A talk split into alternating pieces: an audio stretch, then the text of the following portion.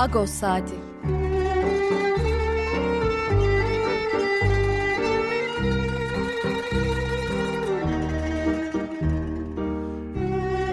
Haftalık Agos gazetesinin penceresinden Türkiye ve Dünya gündemi.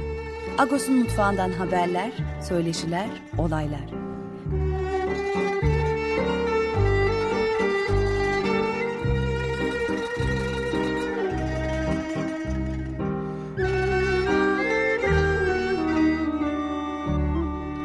Radyo Agos.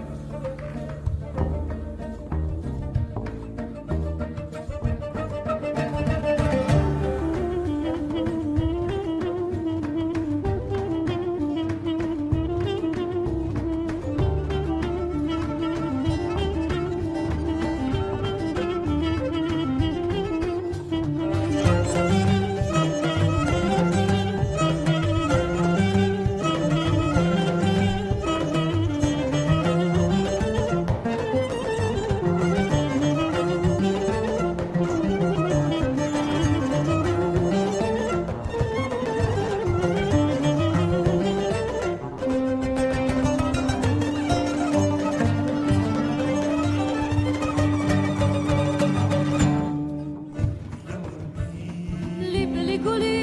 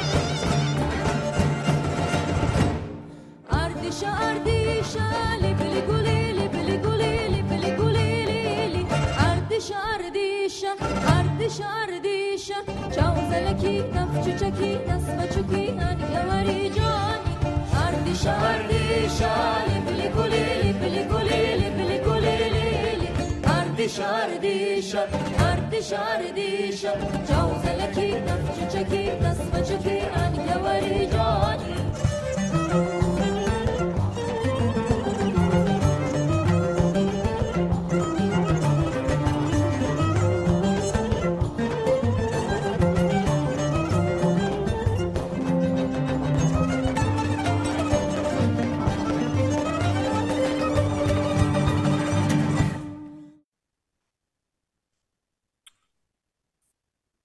Radyo Agos'tan günaydın. Parlıyız. Ben Yetfer Tanziken. Bugün 26 Kasım Cumartesi.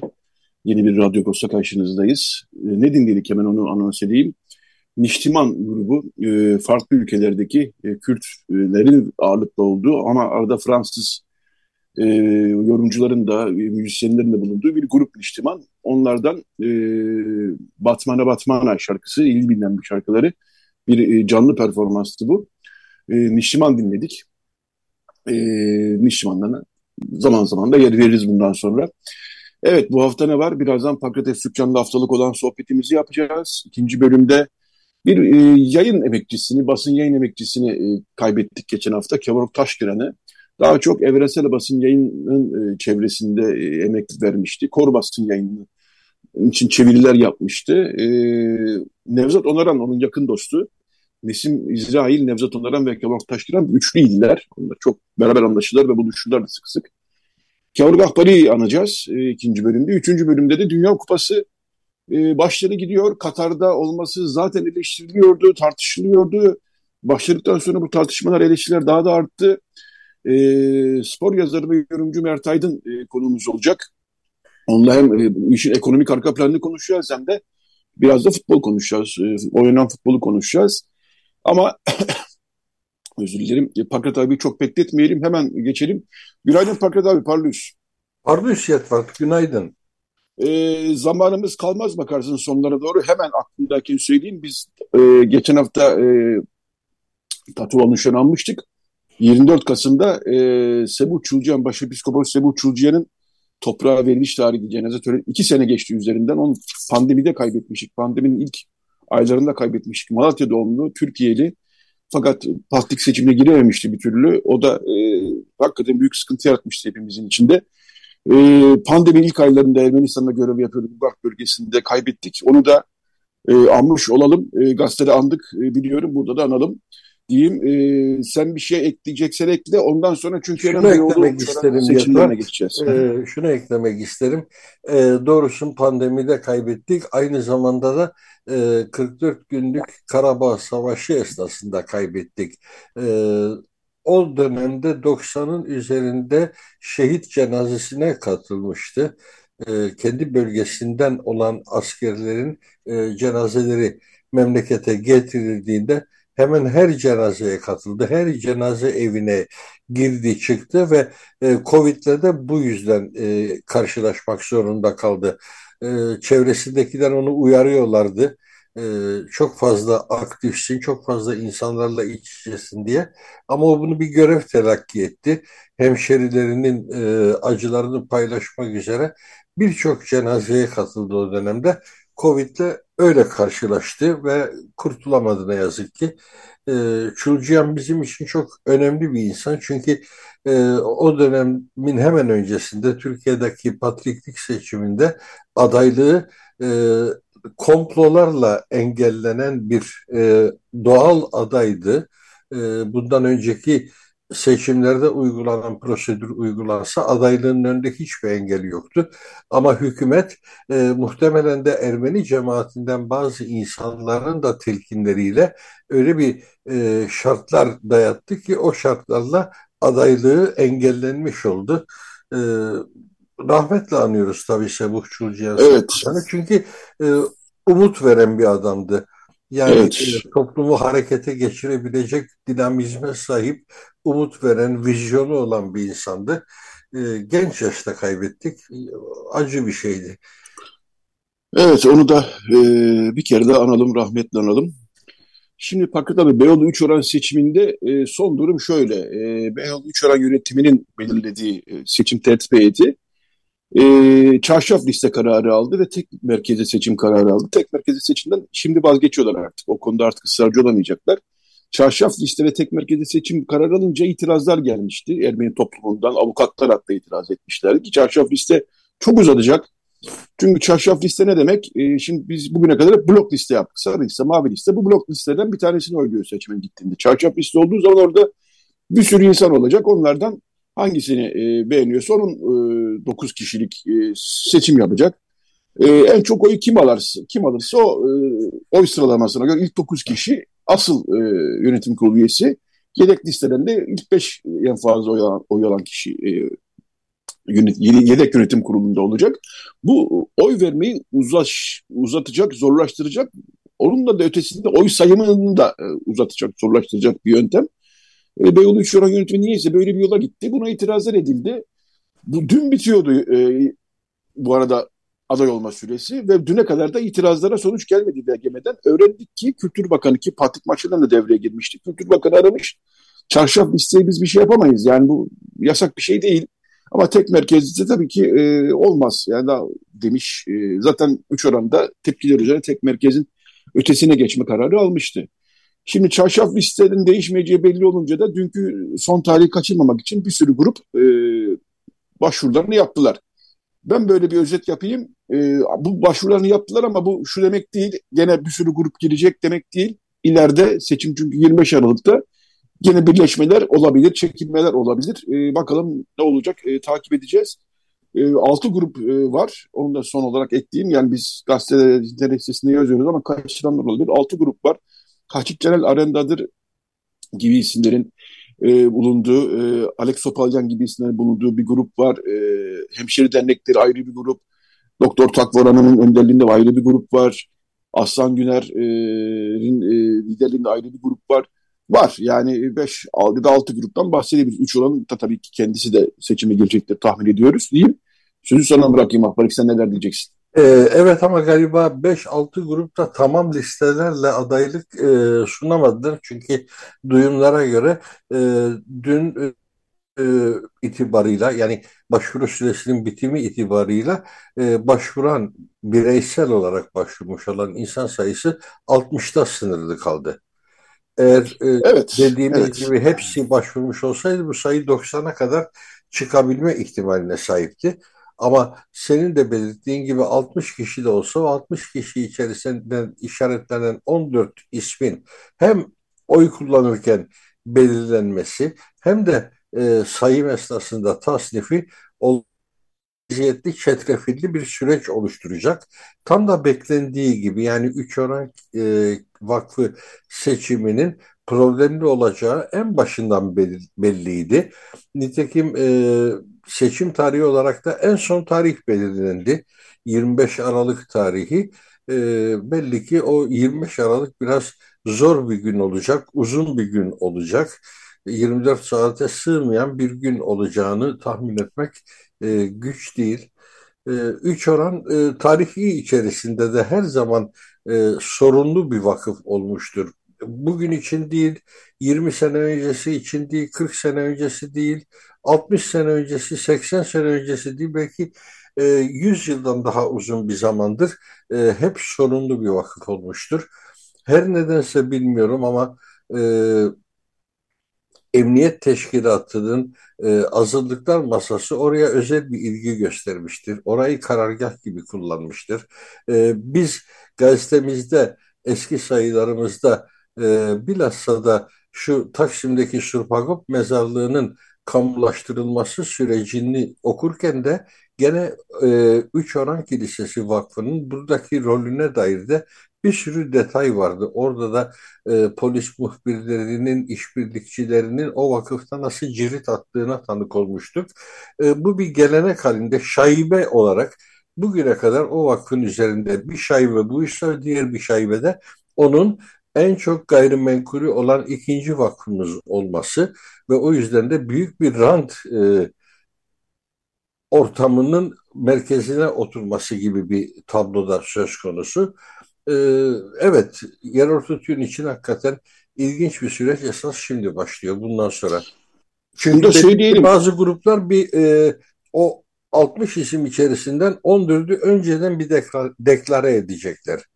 Evet, yani. şimdi e, çarşaf hissediyoruz ama yine gruplar halinde e, oy vermek mümkün. Sadece bireysel olarak yani orada bir grup göreceksiniz. Belki seçim günü olabilir, seçimden önce duvarlarda olabilir, gazete ilanlarında olabilir diyecekler ki bizim grubumuz budur. Bunlara oy verin diyecekler bütün gruplar. Belki birleşebilirler bazı gruplar kendi aralarında. Öyle ortaya çıkabilirler. Biz ortak liste kurduk, anahtar liste kurduk. Bunu oy ver, bu kişilere oy verin diyebilirler. Gene gruplara göre oy vermek mümkün ama blok listedeki rahatlık yok. Yani bir liste alıyorsunuz, zarfın içine atıyorsunuz. Oldu bitti yani. Beyaz liste al veya da mavi liste veya da mor liste fark etmez. Burada böyle bir zorluk var. E, gruplar bu olsun olmasın bir araya gelirmişleri. Bu da ayrı bir tartışma konusuydu. Çünkü çok kritik bir seçim. Yani niye bu kadar fazla grup seçime giriyor deniyordu. Gruplar çarşamba akşamı bir toplantı yaptılar. Orada da çok birleşme havası olmadı. E, kendi e, projelerinin peşinden gidiyorlar. Kendi anlayışlarının peşinden gidiyorlar. E, böyle bu da, da dinleyicilerimize bir not düşerim. Az evvel Pakrat Bey de söyledi. Yani e, Tokatlayan Han 3 Oran Vakfı'nın, işte Esen Okulu 3 Oran Vakfı'nın, e, balık pazarına bazı dükkanlar 3 Oran Vakfı'nın yani e, mülk anlamında önemli bir vakıf. E, Osmanlı'dan beri elinde tuttuğu şeyler bunlar. E, vakıflar, mülkler bunlar. Dolayısıyla da ilgi de büyük. Yani başka hiçbir vakıf için farkındaysanız böyle 5-6 grup yarışmıyor. E, üç öğren tabii e, tartışmalı kararlara imza attı yönetim, mevcut yönetimi. İşte e, Esen Okulu'ndan bazı müdürleri attı, işten çıkardı. E, Maral'a e, şeyi salonu kapattı, e, Koro'ya salonu kapattı filan. Bunlar son bir yılın, iki yılın işleri. E, kendince savunmalarını e, yapıyorlar ama sonuçta tartışmalı bir vakıf olduğunu söylememiz gerekir. E, ve Pakrat Bey'in söylediği gibi daha önce de bu tartışmalar hep yaşanmıştı. E, böyle bir durum var. Dolayısıyla dün e, grupların büyük bir çoğunluğu bireysel olarak başvurdular ama 25 Aralık'ta tam bir ay var. Bakalım bu bir aylık süreç içinde neler olacak? Bu arada e, diğer vakıf seçimleri devam ediyor. Geçen pazar 20 Kasım'da 10 vakıf birden seçim yaptı. Bu pazar 6 vakıf seçim yapıyor. 4 Aralık, 11 Aralık her pazar neredeyse e, yıl sonuna kadar seçim var. Çünkü Azınlık Vakıflar Yönetmeliği e, Haziran'da çıktı ve yıl sonuna kadar yapacaksınız dediler. 9 yıl seçim yönetmelik çıkmadıktan sonra e, 9 yıl sonra çıkan yönetmelik bize böyle bir Ermeni, sadece Ermeni değil Rum, Yahudi, e, Gürcü, Bulgar toplumlarına da yıl sonuna kadar bu seçimler yapmalısınız dendi. Biz bunun tartışmalarını yaptık geçtiğimiz haftalarda. Çok detaylara girmiyoruz. Geçen pazar günkü seçimlerle ilgili bir not var fakat abi onu da istiyorsan konuşalım kısaca. Bakırköy ve Yeşilköy'de, Beşiktaş'ta ve Yeniköy'de ikişer liste yarıştı, iki liste yarıştı. Diğer vakıflar tek liste yarıştı. Bakırköy ve Yeşilköy'de iki liste e, seçimleri başa baş gitti. Akşam saat 8-9'a kadar belli olmadı kimin kazanacağı. Yani kazanan listeler sandıklar açıldıktan bu yani hep öndeydiler ama fark hep küçüktü. E, acaba geçer mi rakip listeler dedik. Bakırköy'de, Yeşilköy'de, Beşiktaş'ta, Yeniköy'de mevcut yönetimlerin ağırlıkta olduğu listeler kazandı ama rakip listelerinde bilhassa Bakırköy ve Yeşilköy'de bir oy potansiyelleri olduğu görüldü. Ee, yani bir aylık bir propaganda süresi olduğunu hesaba katarsak ya da bir buçuk ay belki en fazla iki ay.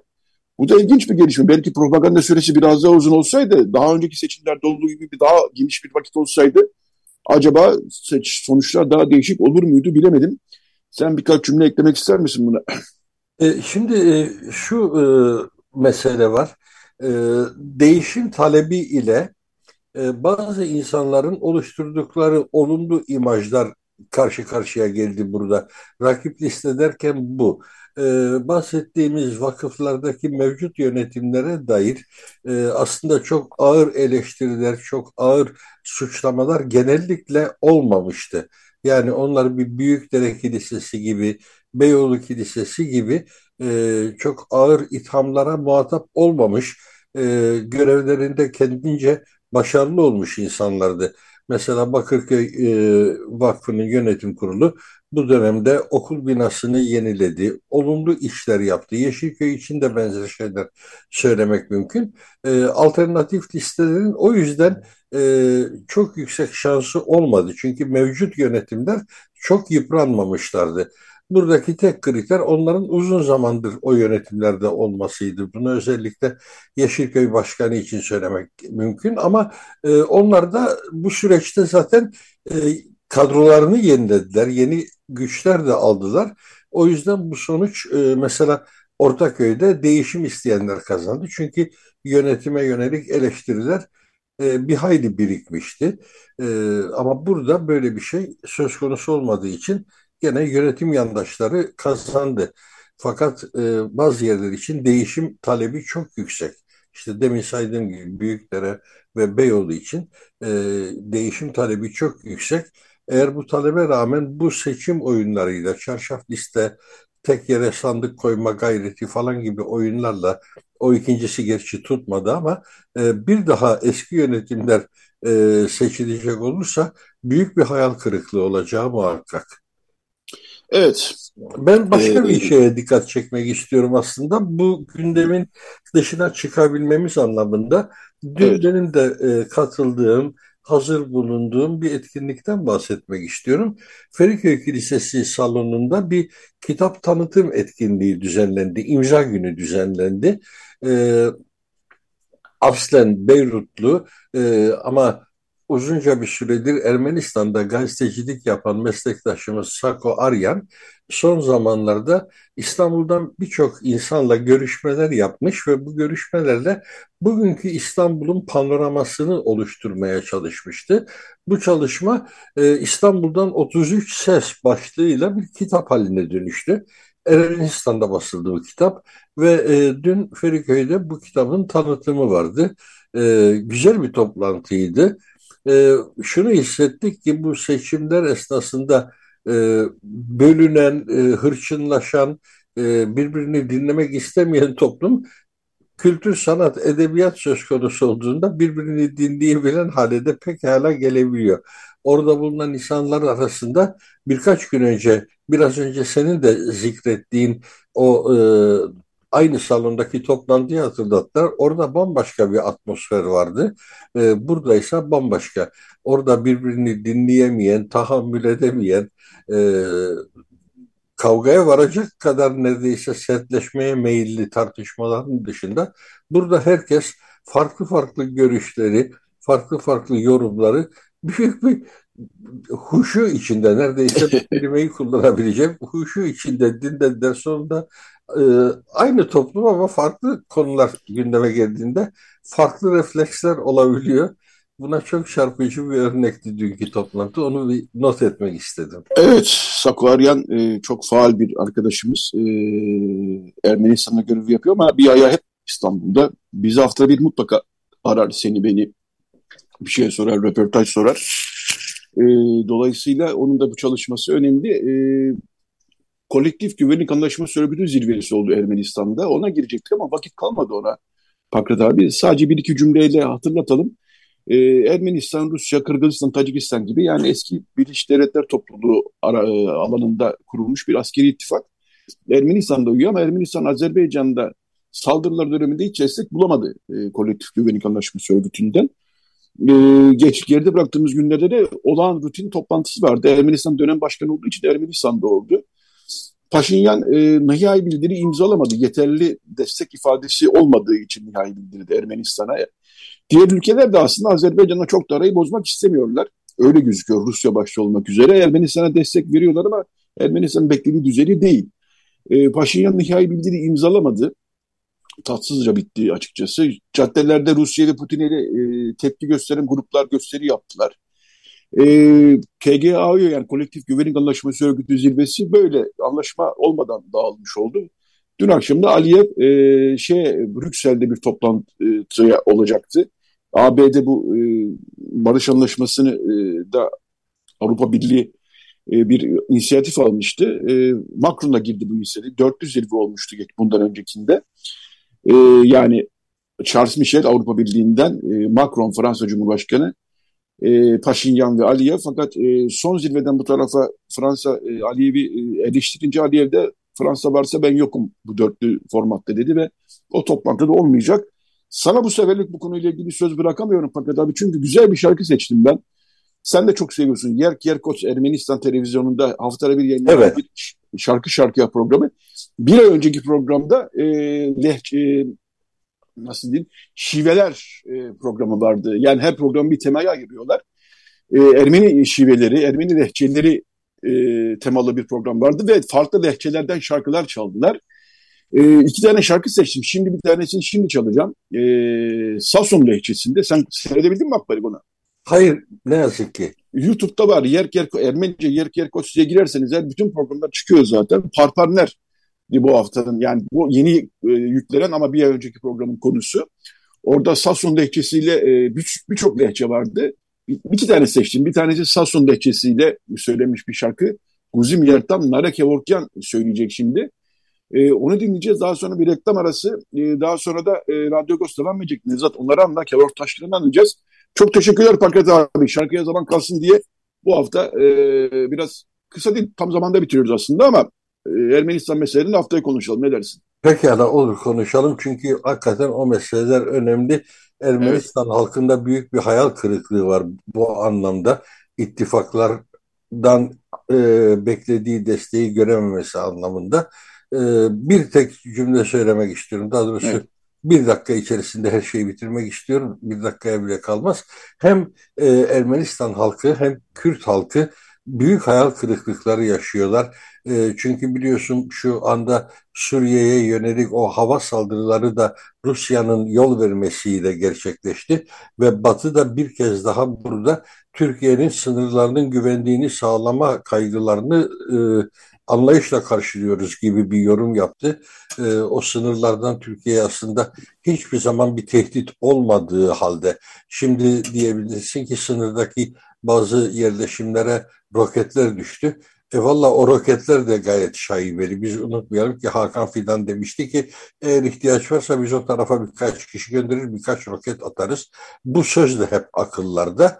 E, o yüzden bu hem Kürt toplumunda hem Ermeni toplumunda e, büyük bir hayal kırıklığı yaşayan yaşanan zaman dilimi içerisindeyiz. Bunu belirtmek istedim. İyi yayınlar. Evet Ermenistan. Evet, çok teşekkürler Pakrat abi. Ermenistan meselesini haftaya konuşacağız. Şimdi e, Nare Kevorkyan'ı dinleyelim. Guzim Yertan. Daha sonra Radyo Agos devam edecek. Tamam.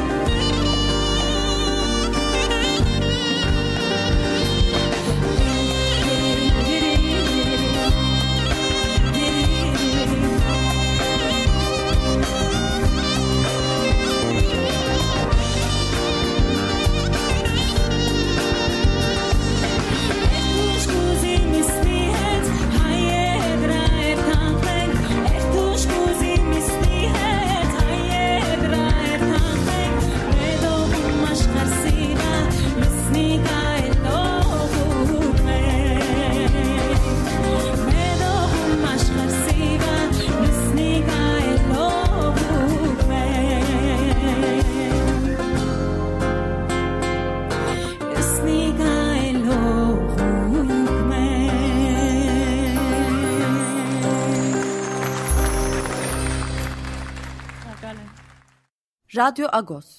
Açık Radyo.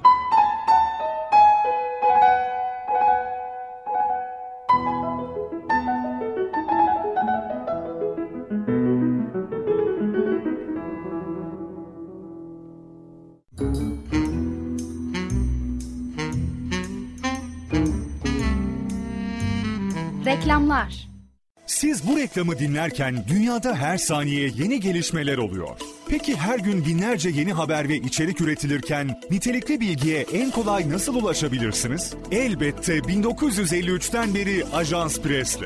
Ajans Press, markanız hakkında sosyal medya ve geleneksel medyaya yansıyan tüm haberleri yapay zeka modülleriyle takip ediyor, tek bir kanal üzerinden her sabah size toplu haber sunumu yapıyor. Geleneksel ve dijital medya tek bir tuşla elinizin altında. Ajans Press. Medyadaki gözünüz.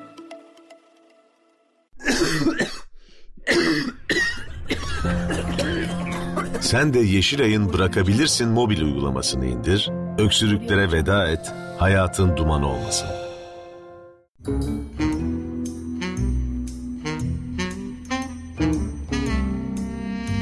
Reklamlar bitti. Açık Radyo.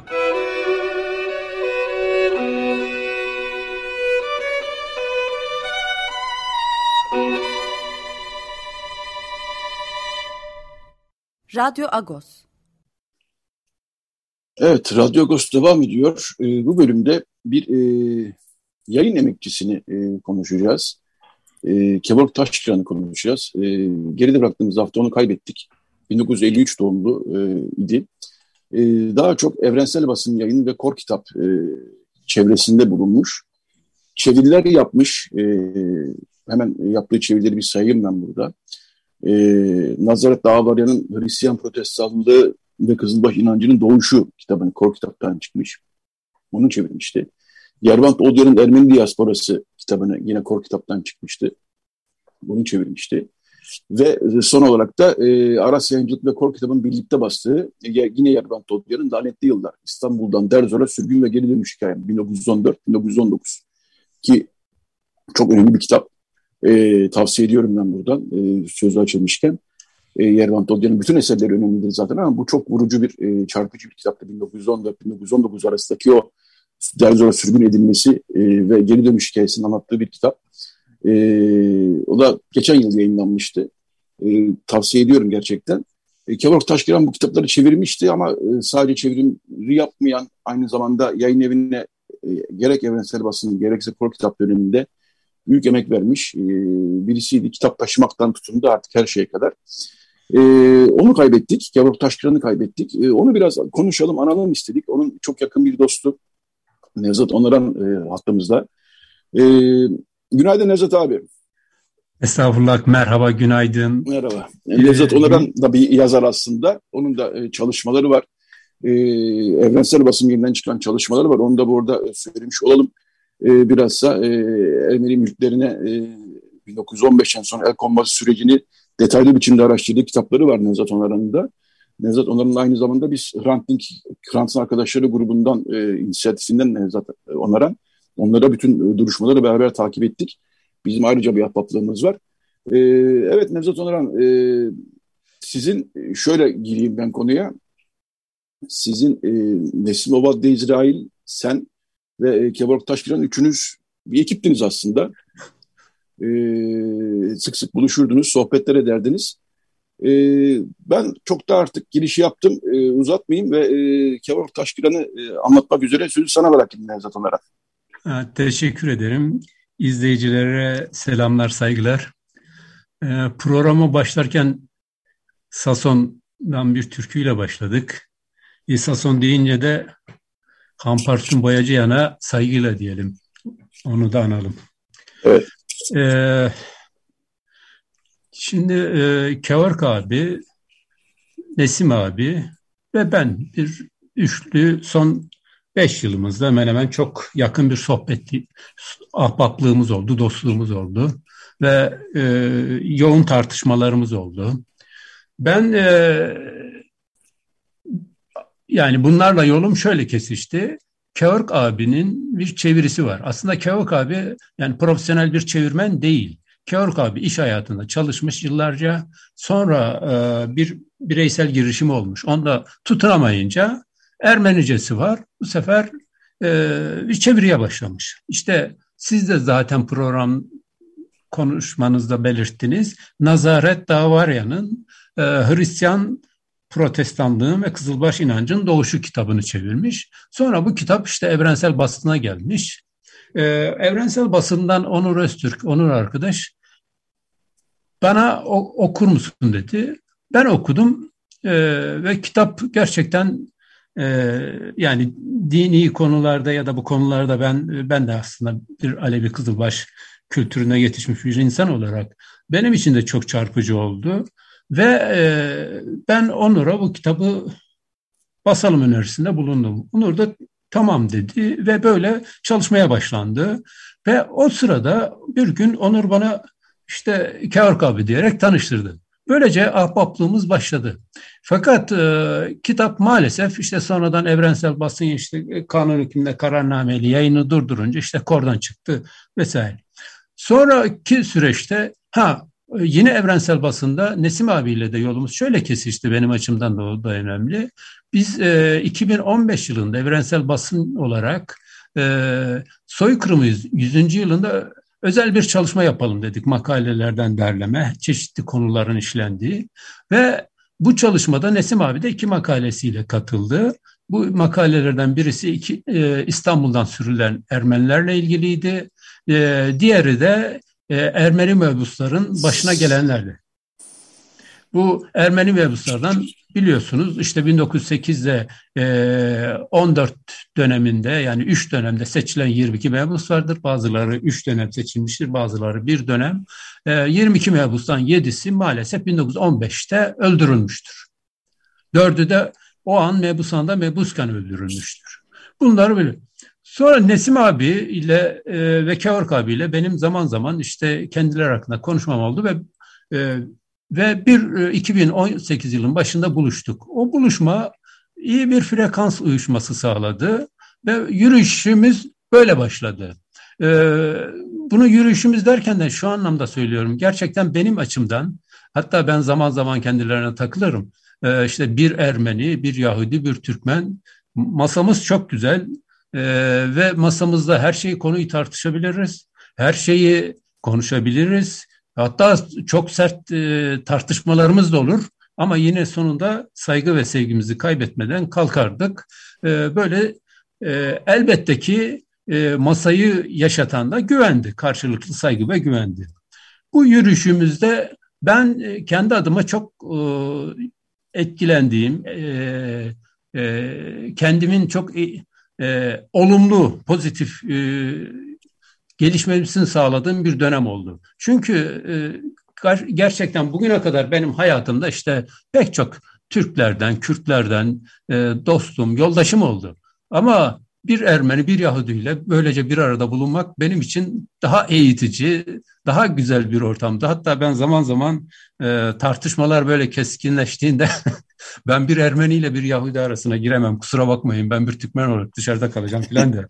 şimdi yani ha şimdi Türkmen derken de kendi adıma Hani ya Türkiye'de de herkese sorsan kendisini Türkmen der. E, dinleyicilere bu konuda da bilgi vermek isterim. Gerçi ben çalışmalarımda onu belirttim ama burada bilmeyenler için söylemiş olayım. Ee, Evliya Çelebi e, Sivas'tan sonra Kürdistan'a geziye böyle giderken yazdığı yerlerden birisi de Sivas'tan sonraki işte Kangal'dan, Alacahan'dan sonra bizim köydür. Bugünkü adıyla yazar Hasan Çelebi der ve biz Malatya'ya bağlıyız tabii. E, Malatya Sivas sınırındadır ve ahalisi Türkmen Şahseven'dir. Bin, 1640'lı yılların sonu. Ben e, bu biraz da Evliya Çelebi'nin şahitliğiyle e, köyümü bu anlamda söylerim. Ha 1640'lı yıllardan önce neymişiz, ne değilmişiz onu bilmiyorum tabii. Fazla o, oraya girmeyeyim ama bu, bu bilgiyi de dinleyicilerimize vermiş olayım. E, Kevork Taşkıran'ın aile hikayesi de çok aslında çarpıcı. E, baba tarafı Yozgatlı, anne tarafı Kayserili. Evet. E, fakat babası 1915 e, sürgün evet. kararının çıkmasından çok kısa bir süre önce doğuyor. Evet. Ve e, çocukluğu yani bebekliği hatta e, çok da ilginç geçiyor. Onu size anlatmış e, bildiğim evet. kadarıyla. Evet. Onundan onu da biraz e, paylaşabilir misin? Tabii, ee, tabii tabii. Yani şimdi Kârk abi İstanbul doğumlu. Burada Mıhitira, Mihitaryan'da okumuş. Mıhtaryan. E, Fangaltı'da. E, Ermenicesi gayet iyi. E, ama babası Yozgatlı, annesi Kayserili. E, şimdi babası için şöyle anlatırdı kendisi. Babam üç kere doğmuş. Şimdi babası İshak Nersis Yants, e, Yozgat'ın e, Şefaatli'nin bu, bugünkü adıyla eğlence, Kevorka bunu ailence derdi. E, Mart 1915'te doğuyor. İşte Haziran 1915'te sürgün. E, herkesi sürüyorlar. O arada e, yani Kevork abinin halası olacak e, kızları önceden almışlar. Onları artık götürmüşler vesaire. O vesaire derken özür dilerim. Cümle olarak kurmuş oldum. E, ve e, aileyi sürerken e, Kevork abinin babaannesi artık çocuğunu, üç, işte üç aylık e, çocuğunu götüremeyeceğini, yolda e, götüremeyeceğini düşünerek yolun kenarına bırakıyor. E, İshak e, bırakıyor, bir süre yürüyorlar. Sonradan bunların bir e, çevre köyden aile dost olan kol İsmail Ağa diye biri e, kafileye geliyor e, ve e, Kevork abinin babaannesine ne oldu diyor. İşte böyle böyle diye konuşuyorlar e, ve Kevork abinin babaannesini e, kol alarak götürüyor. E, İshak'ı soruyor. O da işte yol kenarına bıraktım diyorlar ve gidiyorlar İshak'ı alıyorlar. Ve İshak e, kol ağası İsmail Ağa'nın evinde annesiyle birlikte kalıyor. İşte köylük yer bir süre sonra e, burada e, dedikodular şunlar bunlar çıkınca kol ağası İsmail Ağa gayet bir saygın bir davranış şekliyle gü, güven ilişkisi de yaratmış ki e, diyor ki işte e, Kevork abinin babaannesine yani dedikodu şu bu filan e, sen benim kızımsın ama bir e, Alevi dedesi Ali Savran var. Eşi de ölmüş. Ee, onunla evlenir misin şeklinde bir böyle bir ilişki kuruluyor. Ve hı hı. Ali Savran'la Keork abinin babaannesi evleniyor. Babası da e, İshak da e, Alevi e, Ali Savran dedenin evinde Hüseyin Aslan olarak ikinci kimlik alıyor. E, ve bu iki yaşlarında 1917 başında filan. E, ve o Kavurg abi bu Hüseyin Aslan kimliği almasını ikinci doğuş olarak babasını anlatıyor. Anladım. Sonradan bir süre sonra evde büyü, tabii Hüseyin Aslan büyüyor. Yani İshak büyüyor. Ve e, bir süre sonra 8-10 yaşlarında filan eve gidip gelen bir genci görüyor e, Hüseyin Aslan. Annesiyle konuştuklarını görüyor filan. E, ve o bir süre sonra tabii e, Kavuk abinin babası annesine soruyor bu kim diye. E, o sorduğu tarihte işte e, Kavuk abinin anlattığına göre 12-13 yaşlarında e, Kavuk abinin amcası olan Nazar e, gelip annesiyle görüşen kişi. O da o dönem 20-22 yaşlarında filan. E, bu sefer bu durumu annesi diyor ki Hüseyin Aslan'a yani İshak'a o senin abin diyor. Bir şeyler anlatıyor. Sonradan ee, Ali Savran yani Kavurk abinin babaannesinin eşi olan Ali Savran oturuyor. O güne kadar e, baba olarak bildiği kişiyle karşı karşıya oturuyor İshak ve gerçek durumu Ali Savran Hüseyin'e yani İshak'a anlatıyor. Yani şimdi o çok travmalı bir durum. Bunu Kavurk abi de evet. çok anlayışla şey yapardı. Yani çünkü bir e, işte Türk olarak, Alevi olarak büyüyen bir kişi 12-13 yaşlarında Ermeni olduğunu öğreniyor.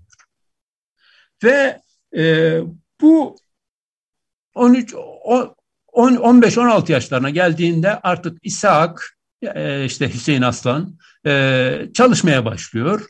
E, ve Kayseri'de Tavukçular Mahallesi'nde e, orada Ermenilerden yoğun yaşadığı bir mahalle. E, orada e, işte Keorg abinin annesini tanıyor. onunla hı hı. evlenecek. Fakat Kevork abinin e, e, anneden dedesi ben Müslümana kız vermem diyor. E, Çok bunun, üzerine, bunun üzerine e, işte İshak yani Hüseyin Aslan e, mahkemeye başvuruyor e, ve sonucunda pozitif gelişmeler oluyor ve İshak ismini, Sahak ismini alıyor. Ve Kevork abi bu kimliği almasına da bu sefer babasının üçüncü doğumu olarak derdi. Yani birinci doğumu biyolojik doğum 1915 Mart'ında. İkinci doğum 1917'nin başında e, Kevork abinin babaannesinin e, Ali Savran'la Alevi dedesi Ali Savran'la evlendiği e, ve kimlik aldığı, nüfuza kaydedildiği, e, Hüseyin sonra kaydedildiği e, bu ikinci doğum. Üç, üçüncü doğum bu sefer gerçek adına dönüyor. Sak ismini alarak ve e, bunu da mahkeme süreciyle tamamlamış oluyor. Böylece Ermeni kimliğini e, ne kavuşmuş da oluyor.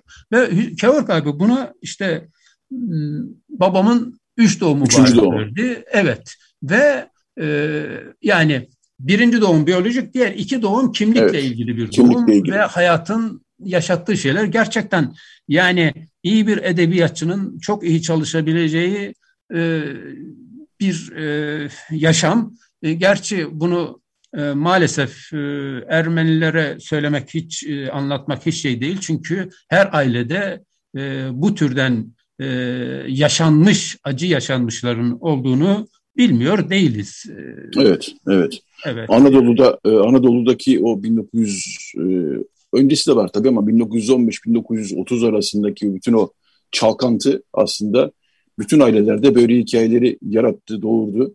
E, Kevork abinin babasının e, çok ilginç hikayesini dinledik Nevzat Onar'ın ağzından. E, hakikaten yani Yozgat'ta başlayıp Kayseri'de devam eden ve e, üç doğum e, demesi boş yeri değil. E, böyle bir hayat hikayesi aslında sizin de bahsettiğiniz gibi bizim de söylediğimiz gibi e, birçok Ermeni ailesinin yaşadığı şeyler bunlar. O, o zamanlar e,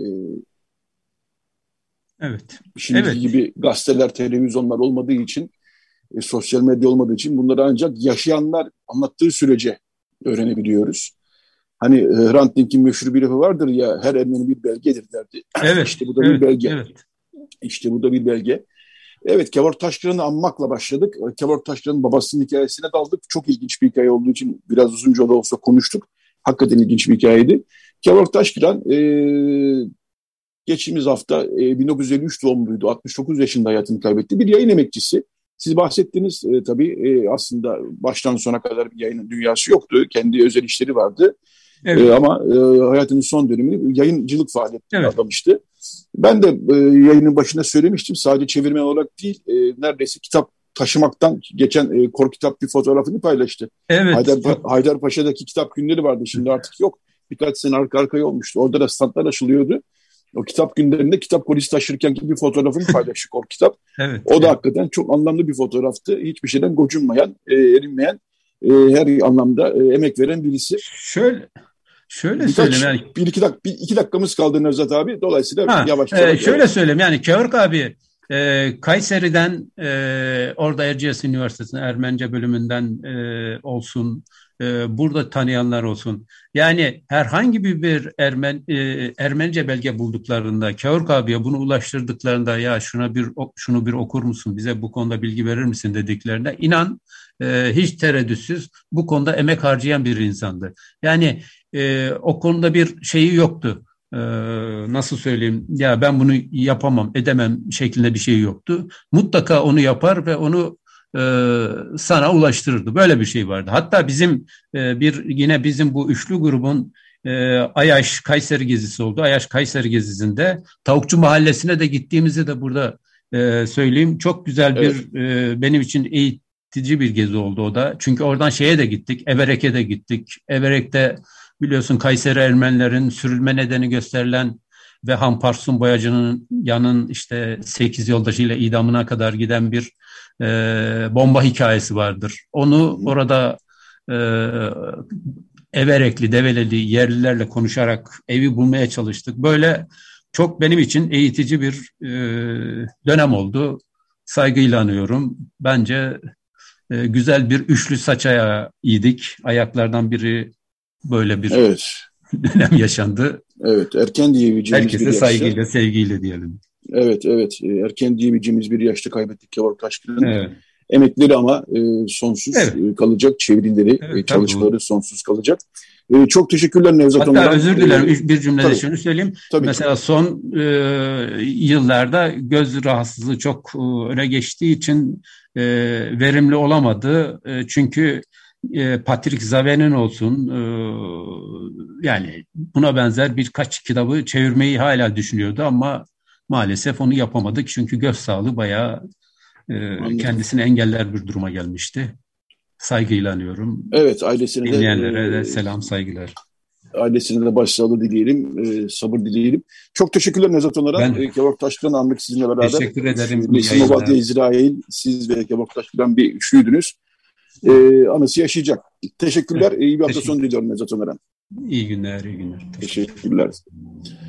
Evet, e, Radyo Agos devam ediyor. E, birazdan bir şarkı çalacağız bu bölüm bitirken. Daha sonra saat 10 kuşağında başka bir konumuz olacak.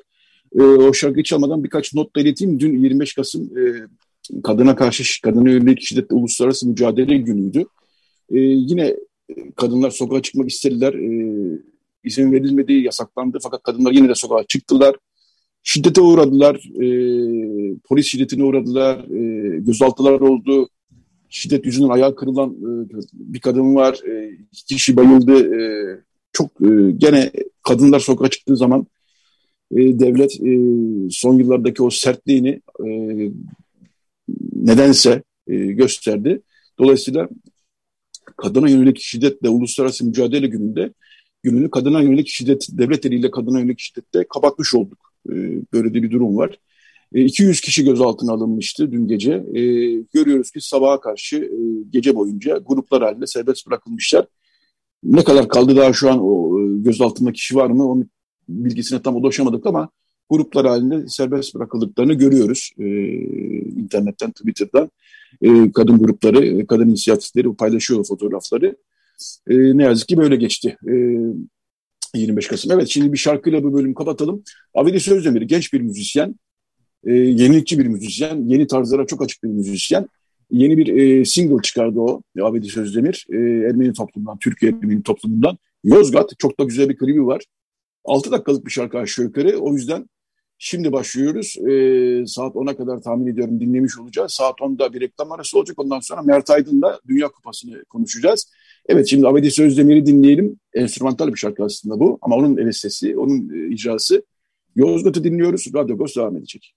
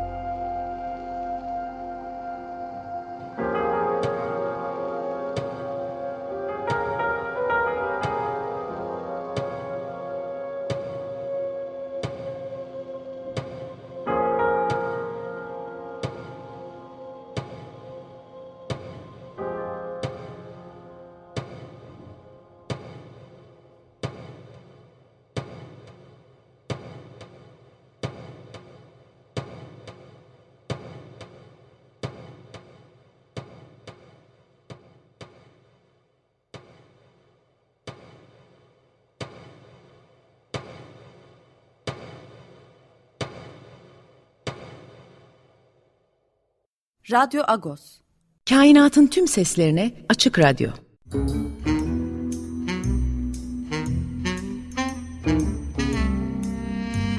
Reklamlar Siz bu reklamı dinlerken dünyada her saniye yeni gelişmeler oluyor.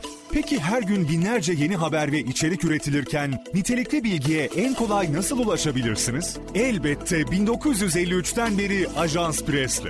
Ajans Press, markanız hakkında sosyal medya ve geleneksel medyaya yansıyan tüm haberleri yapay zeka modülleriyle takip ediyor, tek bir kanal üzerinden her sabah size toplu haber sunumu yapıyor. Geleneksel ve dijital medya tek bir tuşla elinizin altında. Ajans Press. Medyadaki gözünüz.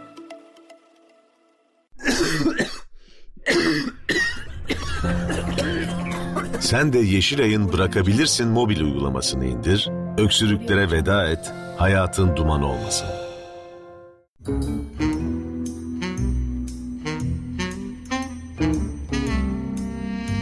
Reklamlar bitti. Açık Radyo. Açık Radyo. Radyo Agos. Evet, Radyo Agos devam ediyor. Bu bölümde Dünya Kupası'nı konuşacağız. Ee, Dünya Kupası e, 4 yılda bir yapılan ve futbola çok ilgisiz olanlar dışında neredeyse bütün dünyanın ilgisini çeken, ya futbolla ilgili olanlar tabii ki ilgilenir. Ee, bir, şölendir onlar için. Futbola normal zamanda bu kadar takip etmeyenlerin bile ilgisini çeken çok bir şölen öyle diyelim. Bu yıl Katar'da yapılıyor ve kışın yapılıyor. Bu zaten çok tartışılıyordu 4 yıldır aşağı yukarı. Kışın kupa mı olur, Katar'da kupa mı olur diye. Katar'da kupa mı olurdan kasıt şu, tabii ki olabilir o coğrafyada ama e, Katar böyle bir futbol ülkesi değil ve e, FIFA ile e, maddi e, bir bağlantılar kurarak bunu sağladığı yönünde çok fazla eleştiriler vardı. E, spor yazarı ve gazeteci Mert Aydın konuğumuz bu bölümde. E, günaydın Mert. Günaydın. E, Mert Aydın erkenden uyandırdık. İngiltere'de e, yaşıyor bir süredir ve e, ada sahillerinde de bir e, programları var. E, internette bilenler biliyordur ama Mert Aydın'la biz e, ben NTV'de çalışırken aynı binadaydık. Oradan da bir ahbaplığımız var o yüzden de Mert diyorum. Dinleyicilerimiz kusura bakmasınlar. Evet, e, Katar'da olması e, ayrı bir tartışma konusuydu. Futbola da geçeceğiz, sonuçlara da geçeceğiz birazdan ama e, bir de şöyle bir şey oldu. Bu statlar yapılırken de e, göçmen işçiler e, sağlıksız koşullarda çalıştılar ve canlarını kaybettiler yönünde çok sayıda makale okuduk geride bıraktığımız yıllarda Hı-hı. ve zaten böyle bir lekeli başları diyebiliriz herhalde Katar'daki Dünya Kupası için. Gölge üzerine bir gölgeyle başları diyebiliriz herhalde. Önce bununla başlayalım. Ee, yani FIFA çok eleştiriliyor. Hatta e, Infantino inşallah ismini yanlış söylemedim. O da biraz eleştirilere böyle bir cevap verir nitelikte ya ne var canım falan e, gibisinden bir açıklama yaptı ama FIFA'nın üzerindeki eleştiri bulutları e, dağılmadı sanıyorum. Bir de, bir de Katar'ın üzerindeki e, bu göçmen Hı-hı. işlerin hayat can kaybı ile ilgili e, eleştiri bulutu hala dağılmış değil galiba değil ve e, sözü sana bırakayım. Ya şimdi e, öncelikle ben de günaydın diyeyim. E, bütün dinleyicilerimize de günaydın diyeyim. E, şunu şunu söylemem gerekiyor. Şimdi bu Dünya Kupası Katar'a 2010 yılında verildi. Yani 12 12 yıl önce. Evet. Ve dünya, dünya futbol kamuoyu bir takım e, namuslu istisnaları hariç bırakıyorum. E, 12 yıldır kulağının üstüne yattı. Hı hı. Yani ne ya yani çok basit bir şekilde e, küçücük bir ülkeden bahsediyoruz. Katar gibi stadı olmayan ve bütün bu statları yapacak bir ülkeden bahsediyoruz. Nüfusunun yüzde doksanı ekspat olan bir ülkeden bahsediyoruz. Doğal olarak bu e, şeyde ne derler inşaatlarda göçmen işçilerin çalışma ihtimali, yurt dışında çalışan işçilerin, yurt dışından gelecek işçilerin olma ihtimalinin çok yüksek olacağı daha başından belli olan bir ülkeden bahsediyoruz. Ama bütün dünya bunun e, kulağının üstüne yatmayı tercih etti. Cılız işte ya Katar'a da verdiler kesin rüşvet almışlardır diye. Dünyada böyle bir küçük yankı oluştu. E, ama biliyorsun il, e, aynı gün normalde Dünya Kupası işte bir Dünya Kupası verilir. Sonra birkaç yıl sonra ondan sonraki verilir. Ama orada çok acayip bir yarış yapılmıştı ve iki Dünya Kupası birden belirlenmişti. Yani 2018 Rusya'ya, 2022'de Katar'a verilmişti. Ve e, hani Rusya da çok e, şey bir ülke değil. Hani insan hakları konusunda birçok konuda e, sabıkaları olan değil. bir ülke. Evet. Tabii tabii. Yani hani o iki seçimin bir günde yapılıp e, sanki yangından mal kaçırıcısına bu e, kupa organizasyonlarının verilmesi zaten yeterince şüphe çekiciydi ve hani sokakta geçen dünya üzerinde herhangi bir ülkenin herhangi bir caddesinde geçen herhangi bir futbol severi çevirdiğinizde hani o gün nelerin döndüğünü üç aşağı beş yukarı tahmin etmesi için yıllar sonra Netflix'te belgesel seyretmesine gerek yoktu. Evet. yani bu, bu kadar açık yani hani başka türlü olması mümkün olmayan bir şeyden bahsediyoruz. Yani normal şartlarda e, olmayacak bir şeyden bahsediyoruz. O yüzden de e, biraz bana şeyleri hariç tutuyorum. Yani 12 yıldır bağıran çağıran e, dünya üzerinde çok önemli gazeteciler var. Yıllardır konuşuyorlar. Evet. E, onları bir kenara koyuyorum ama diğerleri birazcık timsah gözyaşlarına dönüyor sanki futbol kamuoyunun e, bu konudaki e, isyanı. İşte bu son One Love evet. meselesinde de e, yapılan isyanlar var. Ama yani çok açık yani, yani 12, 12 senedir ya da işte e, sadece bu inşaatlarda e, insanlar hayatlarını kaybettiklerinden beri 4-5 senedir bunu dillendirmenin artık bir faydası yok. 2010'da bütün dünya kamuoyunun FIFA'ya isyan edip abi ne yapıyorsunuz para mı yediniz diye soruyu sorması gerekiyordu.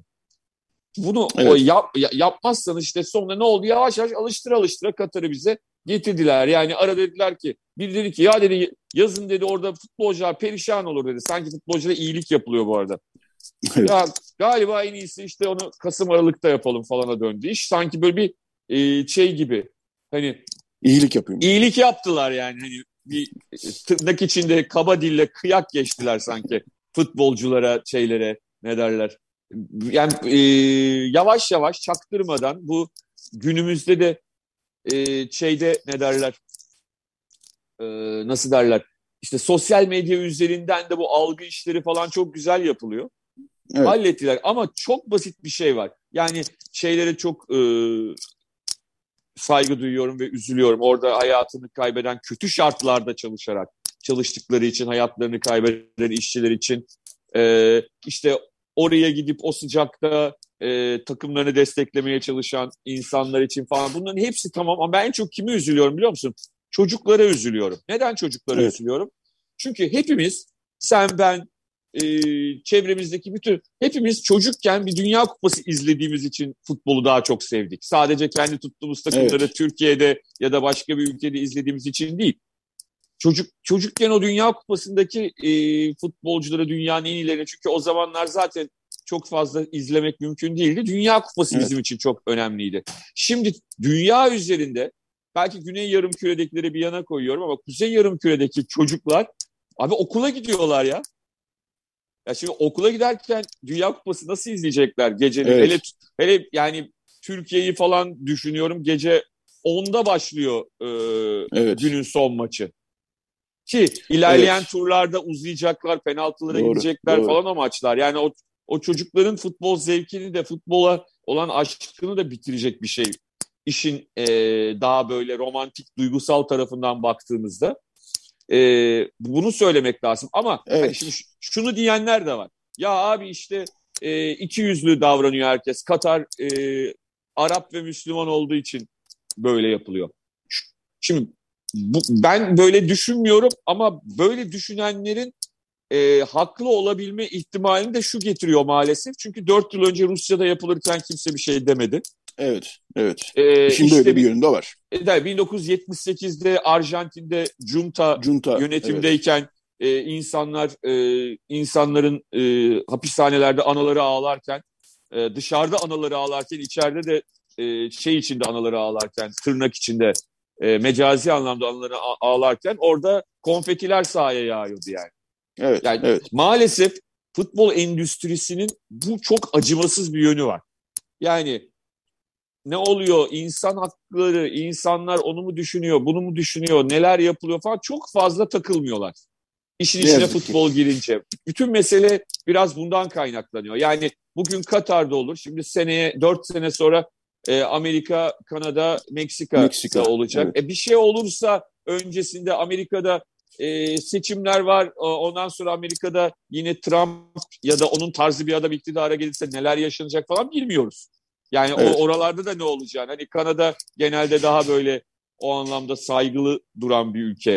Ee, en azından dışarıdan bakıldığında E, Meksika'da durum ne olacak bilmiyoruz. E, ondan sonraki Dünya Kupası kim bilir kime verilecek. Ha bir de şu e, sen Infantino'dan bahsettin. Infantino'nun şeyde bir günahı yok. Yani e, evet. bu Dünya Kupası'nın Katar'a verilmesinde çünkü o sırada UEFA'daydı yani. UEFA'da çalışan evet. e, genel sekreterdi. Yani FIFA başkanı olabileceğini rüyasında bile göremiyordu muhtemelen o sırada. ama anladığım kadarıyla hani o sırada ona tabii bir rüşvet falan verilmedi ama şu anda o kadar iyi ağırlanıyor ki. evet. Bence çok fazla e, o da şey yapıyor. Evet. Takılmıyor. Yani onların suyuna gidiyor. Anlıyorum. düşünüyorum. Peki e, bu kısmı konuştuk. Biraz da futbolu konuşalım. E, hı hı. Çok da fazla 10 dakikamız falan kaldı aşağı yukarı. E, futbol her zaman konuşmak daha zevklidir. O yüzden biraz vakit kalsın diye. Evet. Şimdi sürpriz sonuçlar aslında iki tane sürpriz hı hı. sonuç var. Bir Suudi Arabistan'ın e, Arjantin yenmesi, bir de Japonya'nın Almanya yenmesi. Hı hı. Güzel maçlar vardı, sıkıcı maçlar da vardı. Dünküler biraz da bayağı sıkıcıydı ama e, bu turnuvadan önce e, şöyle bir durum vardı. Artık Messi ile Arjantin yani Messi için son şans Arjantin hmm. artık alır bu kupayı mı acaba deniyordu. Böyle bir beklenti vardı. Fakat Suudi Arabistan kayasına çarptılar. Ben şöyle bir şey e, düşünmüştüm. E, yani sadece Messi ile olacak bir şey değil. E, çünkü artık, e, belki eskiden olabiliyor. Yani Cruyff'la ki o zamanki Hollanda'da sadece Cruyff'tan ibaret değildi ama belki Cruyff'la Hollanda bir şey oluyordu. Maradona ile Arjantin bir şey yapıyordu ama Şimdi yeni futbolda e, yani Messi Paris Saint Germain'de oynuyor. Şimdi e, Messi önlem alsanız Neymar var. Neymar önlem alsanız Mbappe var ama Arjantin böyle bir takım değil. Messi önlem alındığı zaman kilitlenmesi çok muhtemel diye düşünüyorum ama sen de buradan yola çıkarak e, aslında yeni futbolla böyle tek kişinin takımlarına e, yer var mı? E, sözü sana bırakayım. Şöyle söyleyelim. Maç maç tabii ki olabilir. Yani maç maç e, gerçekten o büyük yıldızlar e, kilidi açma konusunda, sıkışan kilidi açma konusunda çok özel yetenekleriyle her zaman işe yararlar. Ama artık futbol 70'lerdeki, 80'lerdeki hatta 90'ların ilk başındaki gibi oynanmıyor. Ee, sadece bunu sahadaki oyuncular olarak düşünmeyelim. Yani o kolektif oyunun oynanması gerektiği gibi e, artık teknik direktörlerin rolü de değişti. Yani eskiden hı hı. teknik direktörler e, evet bir felsefeyi takımı oturtmaya çalışırlardı. Çok değerli, çok önemli teknik adamlar vardı. Ama e, bu kadar detayın içinde olmazlardı. Öyle söyleyeyim. E, şu anda sanki şöyle bir durum var. Yani artık modern futbolda modern teknik direktör e, tek tek her oyuncuya e, maç için bir senaryo yazıyor. Ve o senaryoyu oynamak zorunda oyuncular. Ha, zaman zaman e, bir sinema filminde, bir tiyatro oyununda olduğu gibi doğaçlama tabii ki yapılabilir. Yani oyuncunun yetenekleriyle doğal olarak ama e, biraz daha farklı. Yani futbol öyle oynanmadığı için de e, belki Messi ve Ronaldo'nun dünya kupaları yok şu ana kadar. Evet. Bunu, bunu söylemek lazım. Yani futbol artık öyle oynanan bir oyun değil. E, evet. Sadece bir oyuncunun e, işte herkesi çalımlaması şudur budur. E, çok kolay işler değil şunu bilmiyoruz. Tabii ki e, ben şeyi çok sevmiyorum. İşte Maradona mı büyüktü, Messi mi büyüktü, Ronaldo mu büyüktü falan. Yani şimdi ayrı dönemler ayrı futbol anlayışlarını beraberinde getirir. Bunu unutmamak lazım. Maradona da evet. muhtemelen şimdi olsa yine çok büyük olurdu. Muhtemelen o göbeği olmazdı bir kere. Yani hani şu, şunu diyebiliriz. E, o zamanki Maradona'dan farklı bir futbol eğitimi almış olacaktı. O kadar evet e, özgür ve o kadar rahat hissetmeyebilirdi kendini saha içinde. Bir kere hani evet. o anlamda söyleyebiliriz. Ya da Messi ve Ronaldo e, bundan 30 ve 30 sene önce doğmuş olsalardı belki onların da Dünya Kupası vardı. Yani evet. çünkü evet. ona göre oynanacaktı birçok şey. Bunları bilmek zor. Bunları hani onu karşılaştırmak ya da bir futbolcunun büyüklüğünü sadece Dünya Kupası kazanması lazım büyük olması için demek çok e, ayıp oluyor. Yani Messi ile e, Ronaldo yaklaşık 20 yıla yakın bir süredir bizi eğlendiriyor abi. Ya. Yani bizi çok mutlu ediyorlar. İşin biz bu adamları evet. ha, biz bu adamların büyüklüğünü ha, kupa kazansın da öyle büyük ya böyle bir şey olabilir mi ya? Yani yazık yani adamlara. Ne evet, derler? Evet. Ya şöyle diyeyim sen Beşiktaşlısın bunu e, onun için hani örneği vereceğim. Evet. Şimdi, şimdi Yusuf Tunaoğlu büyük futbolcu değil mi abi? Şampiyonluk işte Kesinlikle. bir tane bir tane yok. At, şeyde var mı o 67'deki şampiyonlukta hani genç oyuncu belki orada almış olabilir. Belki orada şey. olabilir ama ya, yani yanlış... 70'ler boyunca yoktu. Evet, evet. yok ama büyük futbolcu değil mi? Bunun için ille şampiyonluk kazanmış olması mı lazım Türkiye Ligi'nde büyük Kesinlikle. futbolcu olarak adlandırılması için. Yani biraz bazen futbol dünyası e, ya da futbol dünyası derken dünya üzerinde, yani Türkiye'yi kastetmiyorum, bütün dünyadaki e, biraz fazla artık e, aşırı bir materyalizm ve şey var. Yani böyle bir o somut kupa görülecek, somut işte evet, şu kazanılacak, evet. bu kazan biraz e, keyif almaktan, e, haz duymaktan uzaklaşıp e, şey üzerine gitmeye başladık yani. Aa, şu kupası olsun, şu kadar kupası olsun. Abi bazen evet. hiç, hiç kupa kazanmayan. Ya Arsene Wenger'in Avrupa kupası yok abi. Tamam İngiltere evet. kupaları var ama Avrupa'da kupası yok yani. Bir tanesini Galatasaray'a kaybetti. Bir tane e, Barcelona'ya Şampiyonlar Ligi kaybetti. Bir tane Monaco'nun başındayken Werder Bremen'e kaybetti. Ya finalde kaybetti. Ama yok evet. adamın. Bu Arsene Wenger'in büyük bir hoca olduğunu, devrimci bir hoca olduğu gerçeğini değiştirebilir mi?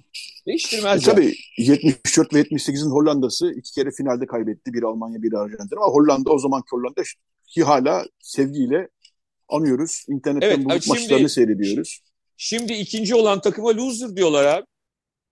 evet. O takımda oynayan oyuncuya çöp diyorlar. Yani e, şey değişti yani biz ben bir ara şey diyorum hani daha daha çok yaşlı değiliz ama daha 50'lerin başında evet. ya, kendimi şey hissetmeye başladım hani ya biz çok mu yaşlandık acaba? Çok mu böyle e, şey düşünüyoruz yani. Hani ben bir iyi bir futbolcu gördüm. Bırak Messi gibi, Ronaldo gibi. Ya hoşuma gidiyor yani iyi bir futbolcu görmüş olmaktan, saha içinde izlemiş olmaktan. Tabii.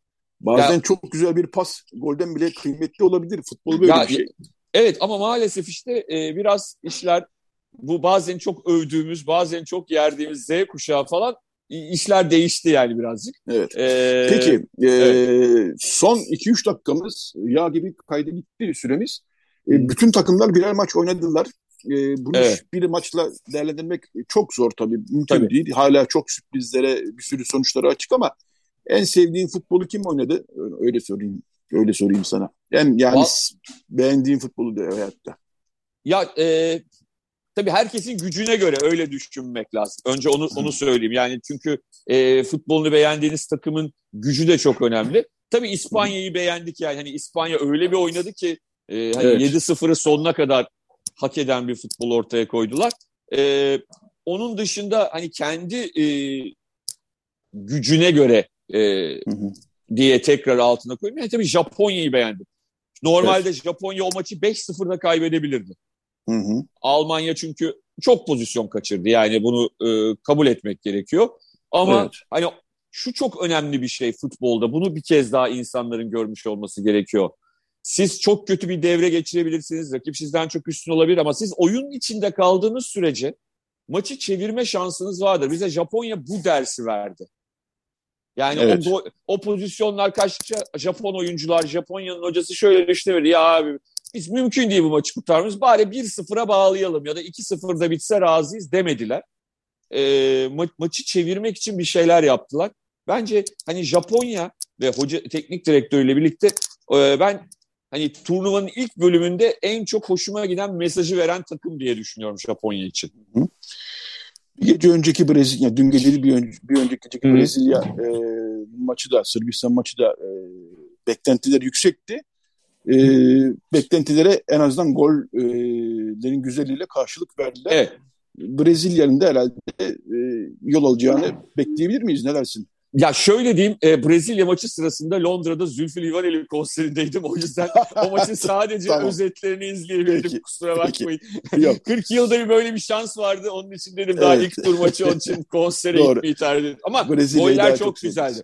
Golleri evet, çok goller. E, güzeldi. Yani iz, e, maçın özetlerini, geniş özetini izledim. E, Richarlison Tottenham'da atamadığı golleri orada attı. Bir Tottenhamlı olarak e, kendisinden dönüşte de rica ediyoruz golleri. Peki e, Fransa benim gözüme çarptı her zaman gibi. E, e tabii tabii. Evet. E, Almanya'yı yani, belki daha değil, göreceğiz. İtalya'nın olmaması evet. tabii Dünya Kupası e, İtalyasız olmaz genelde ama bu yıl yok. O da bir eksiklik. Ee, bakalım yani her Dünya Kupası kendi hikayelerini e, ne kadar gölgeli de olsa, ne kadar lekeli de olsa her Dünya Kupası kendi hikayelerini yazıyor. Evet, tabii tabii tabii. tabii. Dünya Kupaları bu yüzden güzel. Ya yani güzel başta... bir gol olunca maalesef üzülüyorum tabii o ölenler için ama her şey, her insan şey bir an unutuyor ki. yani. Evet, evet. Evet, evet. Peki E, çok teşekkür ederim Mert. Ben teşekkür Mert ederim. Aydın e, Londra'dan e, artık yazıyor, Londra'dan anlatıyor, e, yorumluyor. E, çok teşekkür ederim yayına katıldığın teşekkür için. ederim, Belki görüşmek senin için çok erken bir saat oldu. Gene öyle erken kalktığın bir gün olursa belki doğru bir, bir tur daha konuşuruz. Tamamdır, tamamdır. Tabii ki. Çok iyi teşekkürler, iyi seyirler. Sağ ol.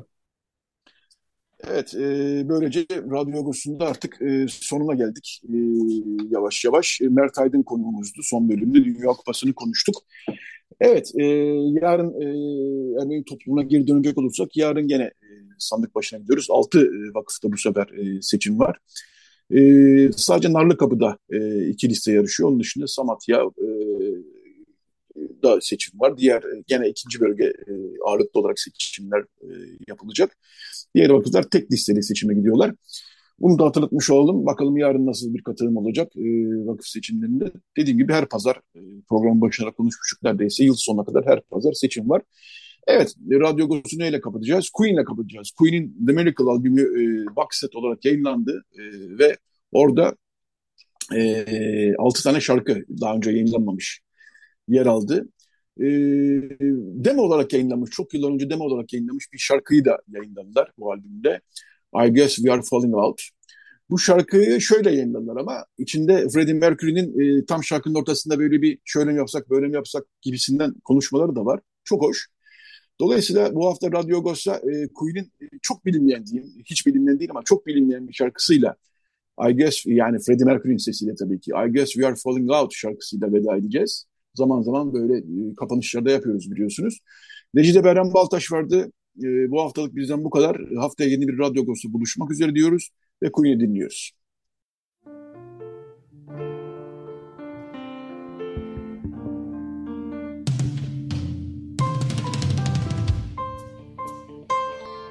Oh.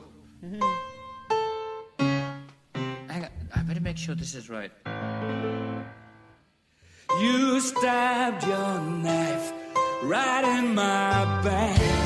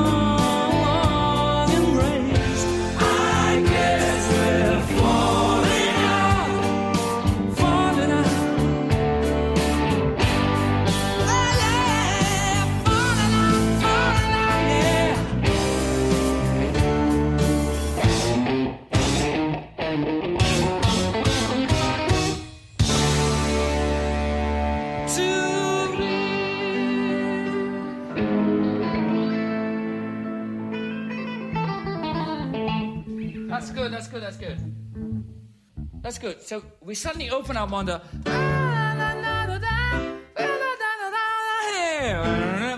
And we go back to that thing. Uh, we just go to. Falling up. Falling up. Fall it up. Yeah, yeah, yeah. That's falling out. I don't care.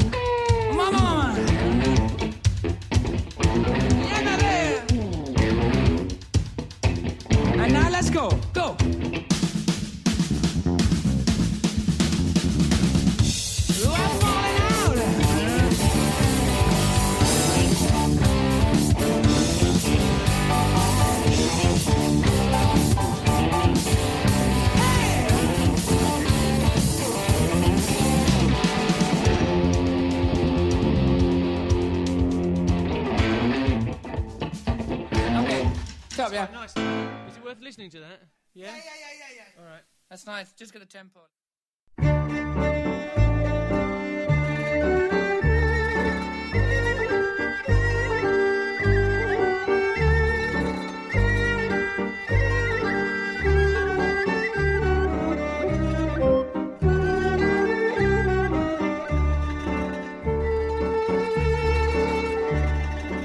Agos Saati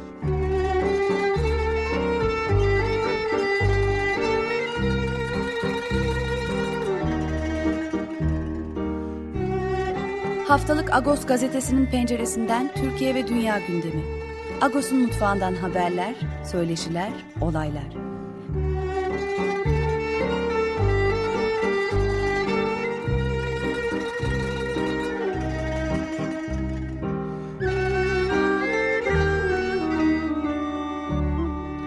Radyo Agos.